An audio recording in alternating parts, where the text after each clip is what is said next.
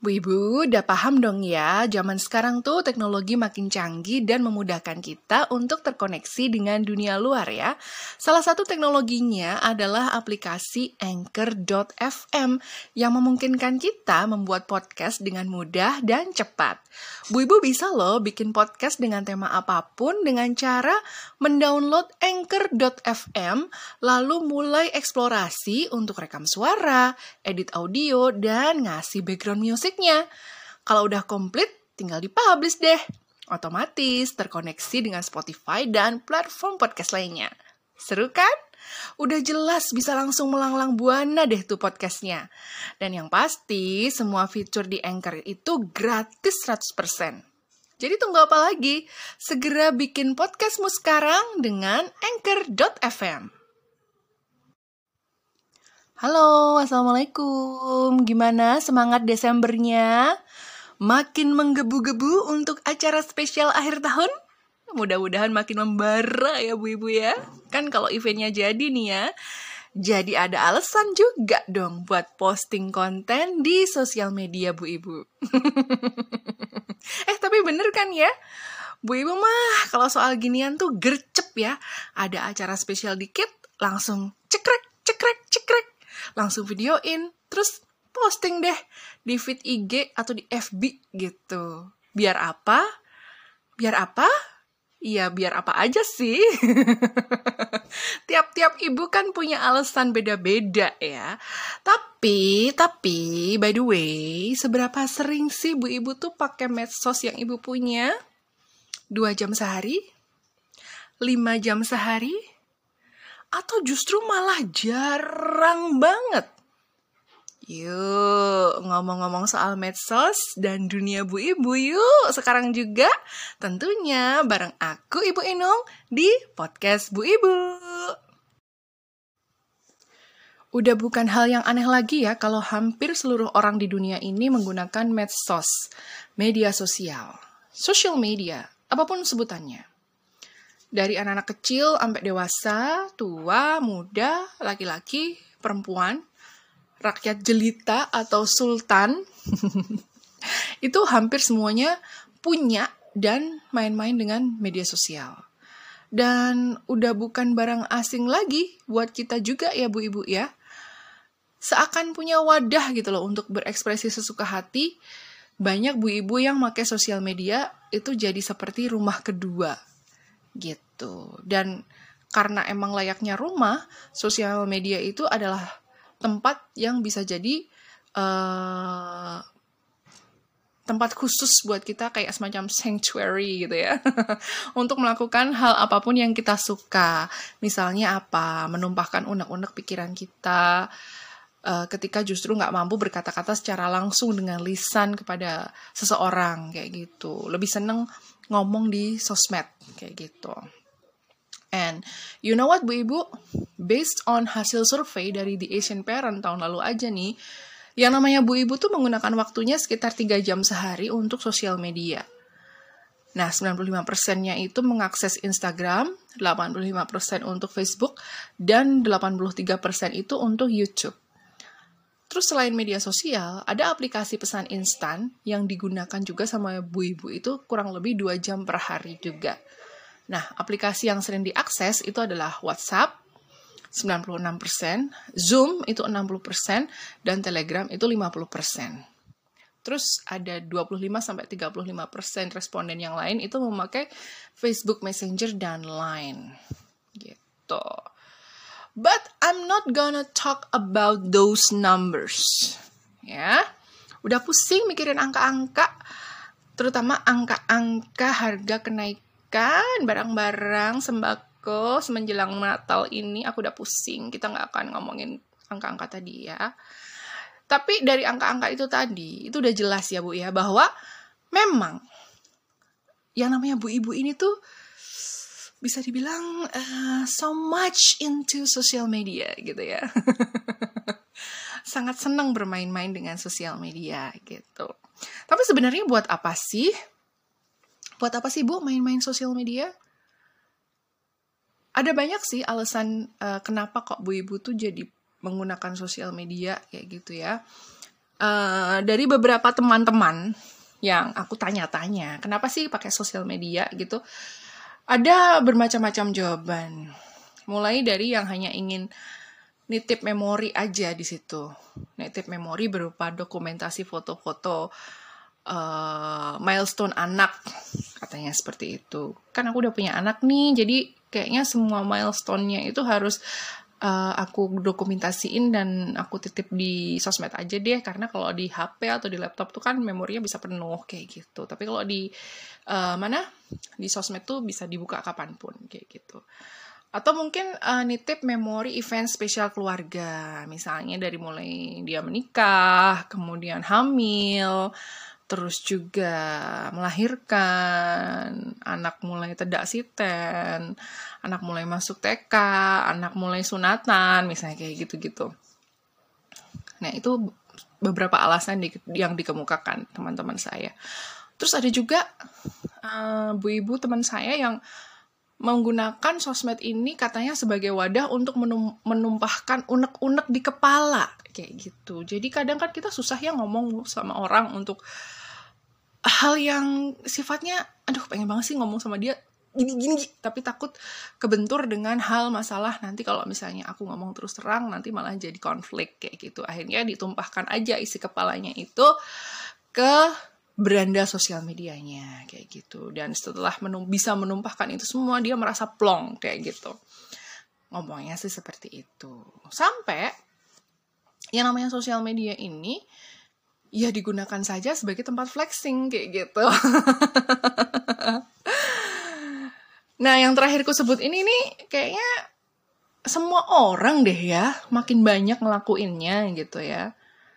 Tapi kalau dipikir-pikir emang sepertinya sosial media ini adalah memang tempat yang cocok untuk flexing gitu ya Bu ya. Ya Bu ya. Bu, flexing tahu nggak Bu? Tahu lah ya. Apa? Flexing? Aduh bu, ini rame banget loh, lagi dibicarakan loh sekarang flexing ini. Flexing ini dikenal sebagai conspicuous consumption atau konsumsi yang mencolok gitu. Maksudnya orang eh, orang-orang tuh menghabiskan uang untuk membeli barang atau jasa sebagai cara untuk menunjukkan status atau kekuatan ekonominya gitu ya, level ekonominya tuh seberapa gitu.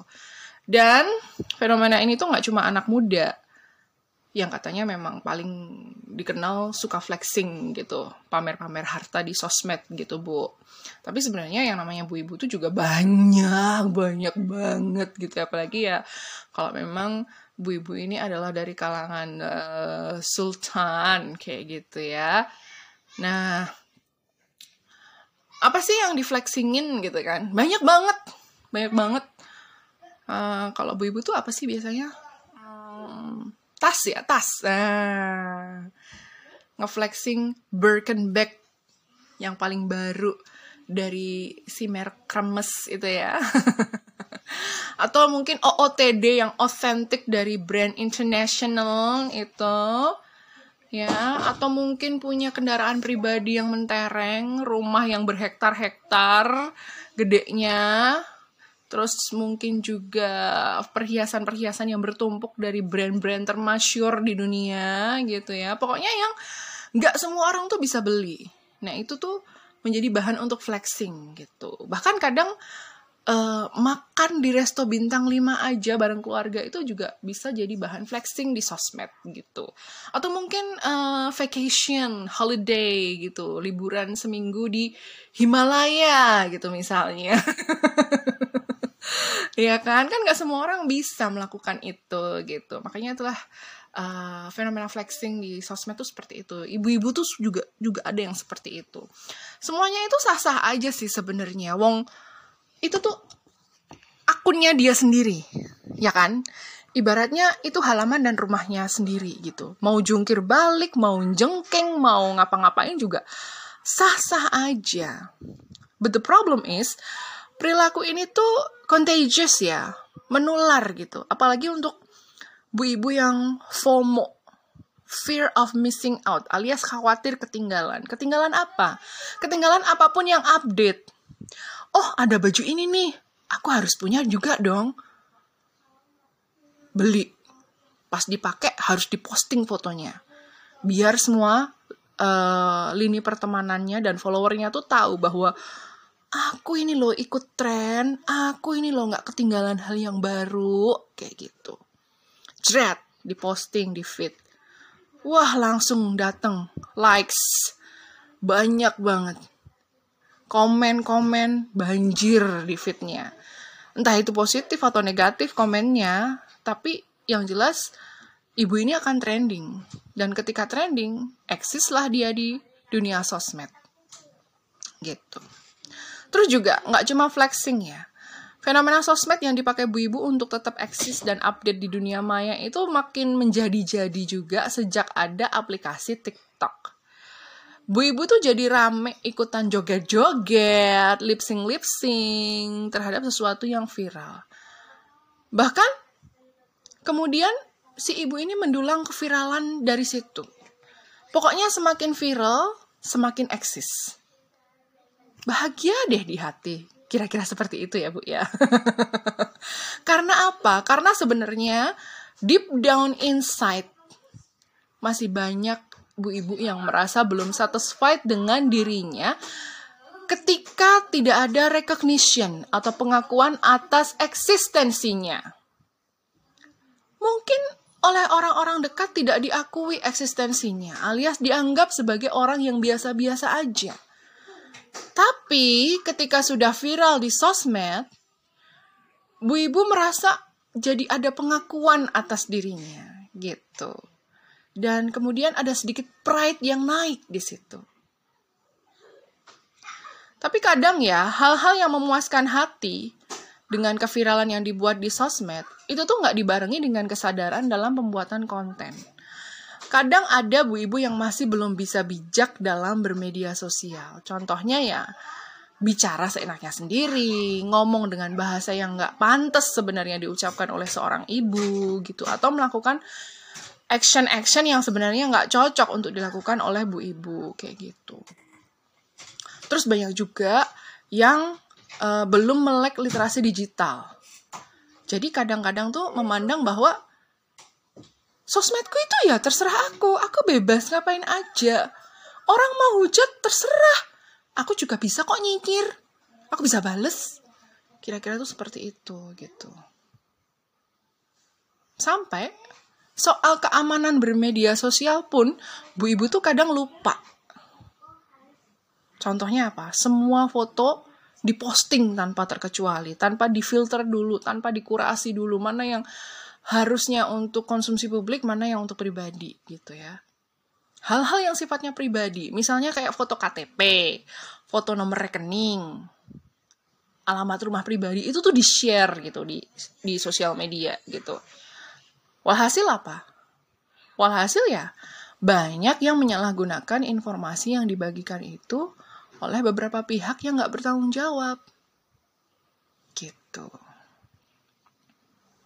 Eh, tapi banyak juga loh bu ibu yang pakai media sosial itu sebagai tempat untuk berbagi. Nah, berbaginya seperti apa?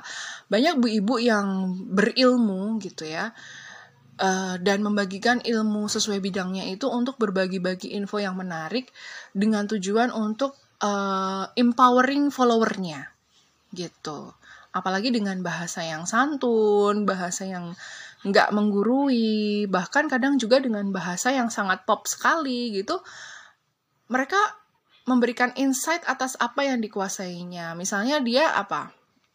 Dia menguasai masak memasak dan dia ingin berbagi tentang ilmu masak memasaknya itu.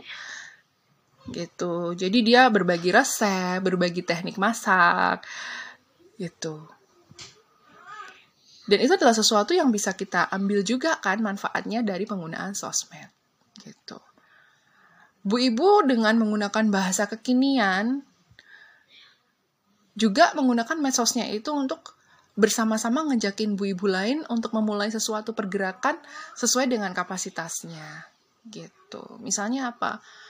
Yuk ini yuk uh, kita bikin gerakan go green misalnya, menanam menanam tanaman di halaman rumah kita sendiri misalnya, menanam uh, melakukan tabulam pot misalnya, menanam buah dalam pot kayak gitu. Dengan bahasa yang persuasif tapi dapat diterima dengan akal sehat bukan yang daki-daki kayak gitu ya. Jadi bu ibu ketika melihat ajakan gerakan ini tuh juga seneng gitu. Nah jadi sebenarnya banyak juga ya hal-hal positif yang bisa bu ibu dapat dari penggunaan sosial media ini gitu semua itu tuh tergantung dari masing-masing individu sih sebenarnya mau pakai sosmed sosmednya itu kayak gimana mau dipakai untuk propaganda suatu proyek yang melibatkan Bu Ibu seantero Jakarta Raya juga bisa. Mau dipakai buat nyari ilmu, menggali wawasan baru, boleh banget. Atau misalnya cuma dipakai buat have fun doang gitu untuk misalnya tetap terkoneksi dengan saudara atau teman-teman yang udah jauh-jauh tinggalnya gitu. Itu bisa banget. Ya nggak? Sosial media itu juga dimanfaatkan bu ibu juga buat nyari tambahan penghasilan loh. Nyari duit. ya kan? Gak sedikit juga malahan justru mengakui bahwa sosmednya mereka itu dijadikan sebagai ladang cuan gitu. Alias yang ngasih pemasukan terbesar dari uh, maksudnya yang ngasih pemasukan terbesar untuk perekonomian keluarga gitu. Jadi memang uh, dipakai untuk berbisnis gitu. Jutaan orang nggak cuma bu ibu aja ya. Jutaan orang tuh berbisnis lewat sosmed ini. Karena memang yang namanya sosmed itu jadi ajang pemasaran paling efektif saat ini untuk menjangkau potensial customer dari berbagai belahan dunia. Gampang banget soalnya. Tinggal pajang foto barang dagangan kasih caption yang menarik dan memikat pembeli, lalu berdatanganlah deh. Orderan-orderan gitu. Dan cuan pun berhasil dipanen dari situ. Ya kan? Bu ibu pasang foto hasil masakan atau hasil baking, cantik fotonya, dikasih caption open order gitu. Kadang hal sesimpel itu pun bisa bikin bu ibu tiba-tiba dapat rezeki nomplok dari sosial media. Bahkan ya, kadang juga dari kalangan bu ibu yang namanya influencer itu bermunculan. Contohnya nih, ada seorang ibu rumah tangga yang mungkin sesekali mengupload videonya lagi dandan misalnya. Lalu ternyata hasilnya bagus. Dapat banyak likes, terus dapat banyak komentar juga dari para beauty enthusiast gitu. Komentarnya misalnya, bedanya pakai apa kak? lip creamnya itu merek apa ya kak? Shade warna apa? Gitu. Dan ketika si ibu ini menjawab, oh aku pakai ini, aku pakai merek itu, gitu. Kemudian followernya itu rame-rame beli barang-barang tadi. Nah, udah sah bu ibu ini jadi influencer. Karena apa? Karena menginfluence orang lain untuk berdandan ala dia dan untuk mempengaruhi orang lain membeli serta memakai produk yang sama seperti yang si ibu ini pakai. Gitu. Jadi sekali lagi, sebenarnya sosmed ini tuh penggunaannya akan berbeda di tangan bu ibu yang berbeda. Dan itu semua sepenuhnya hak masing-masing bu ibu ya. Nggak ada kok ketentuan sosmed itu tuh harus dipakai buat ini, buat itu, atau buat anu gitu. Yang bisa saya dan Bu Ibu ingatkan kepada teman-teman, Bu Ibu, adalah dengan apa? Memakai sosmed itu dengan mindfulness.